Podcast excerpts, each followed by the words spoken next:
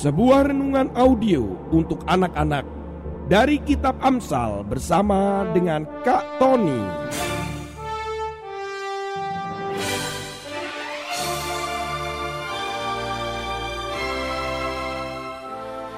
Audio inspiring message for kids. Selamat menikmati dan mendengarkan.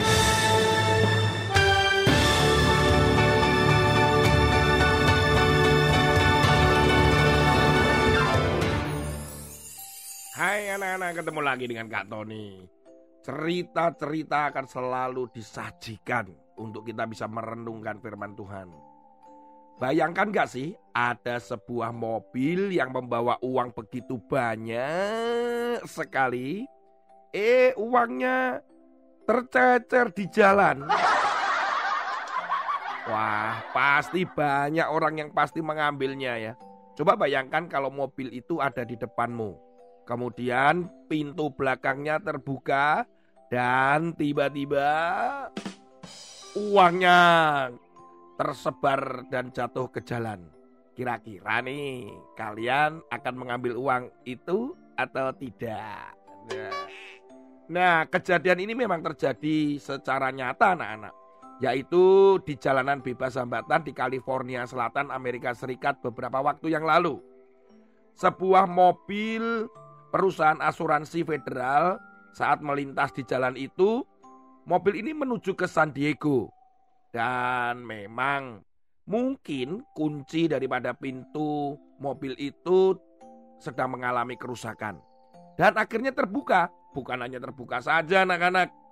Ternyata sampai-sampai uang yang ada di dalam tas itu terlempar jatuh ke jalan. Dan saat itu uang berhamburan jatuh di jalanan. Pasti banyak orang-orang langsung melihat kesempatan itu bukan? Memang benar, mobil-mobil yang ada di belakangnya segera berhenti dan membuat kemacetan yang sampai dua jam anak-anak. Uang yang ada saat itu tidak dijelaskan berapa yang terjatuh. Tetapi yang jelas ada pecahan 1 dolar dan 20 dolar. Orang-orang pada turun dari mobil dan mengambil uang tersebut sambil menari-nari mereka teriak-teriak bersuka cita karena mendapatkan uang gratis. Tetapi segera kepolisian yaitu California Highway Patrol atau CHP mengumumkan bahwa siapa saja yang mengambil uang itu harus segera mengembalikan ke kantor polisi. Kalau tidak dikembalikan, maka akan dianggap sebagai penjahat atau bisa jadi ditangkap sebagai perampok. Kadang berpikir ya, nah itu kesalahannya bukan pada manusia, kesalahannya pada pintunya itu. Pada saat kejadian itu, memang ada dua orang yang ditangkap pada saat mengambil uang di jalanan. Tetapi yang lain bagaimana? Apakah benar-benar mereka mengembalikan uang tersebut ke kantor polisi? Itu menjadi pertanyaan penting. Tetapi memang beberapa waktu kemudian ada puluhan orang yang menuju ke kantor polisi untuk mengembalikan uang itu. Wah, mereka adalah orang-orang yang jujur ya. Tetapi apakah uang itu kembali dengan jumlah yang sama ketika uang itu dibawa oleh mobil federal itu? Belum tahu dan tidak ada yang tahu. Polisi mengatakan bahwa ada CCTV atau pengamat secara digital yang bisa mendeteksi siapa saja yang mengambil uang saat berceceran uangnya di jalanan anak-anak. Wah, kalau itu terjadi pada kalian bagaimana? Apakah uang itu akan kalian kembalikan atau kalian akan ambil bawa pulang untuk membeli sesuatu, makanan atau mainan? Ada-ada saja ya uang tercecer di jalan. Firman Tuhan hari ini adalah terambil di dalam Amsal pasal 15 ayat yang ke-27. Siapa loba akan keuntungan gelap, mengacaukan rumah tangganya. Tetapi siapa membenci suap akan hidup. Loba, apa itu loba? Bukan loba ya anak-anak ya. loba. loba itu makanan kan nih. Loba, loba itu ternyata menginginkan banyak. Atau dengan kata lain serakah. Apabila kita menginginkan sesuatu yang gelap, wah sesuatu yang gelap itu sesuatu yang jahat ya anak-anak ya. Dan itu terus kita pikirkan, maka itu bisa menghancurkan kehidupan kita. Di dalam ayat Amsal ini dikatakan bahwa siapa loba akan keuntungan, keuntungan gelap. Nah, sering kali kita juga menginginkan banyak hal ada dan kita inginkan. Makanya firman Tuhan pernah katakan bahwa keinginan-keinginan itu kalau sudah matang, maka itu bisa menghasilkan dosa. Dan dosa itu bisa menghasilkan maut. Ini yang harus hati-hati anak-anak.